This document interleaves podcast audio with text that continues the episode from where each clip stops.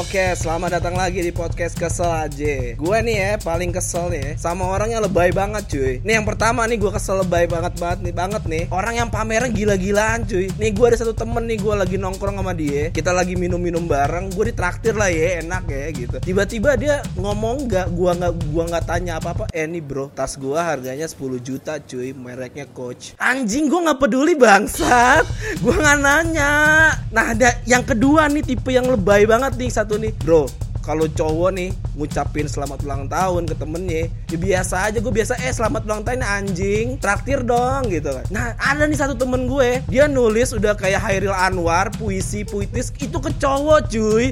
Jijik banget parah parah parah parah. Dan ada nih satu nih gue kesel kenapa gue baca tuh tulisan sampai habis ya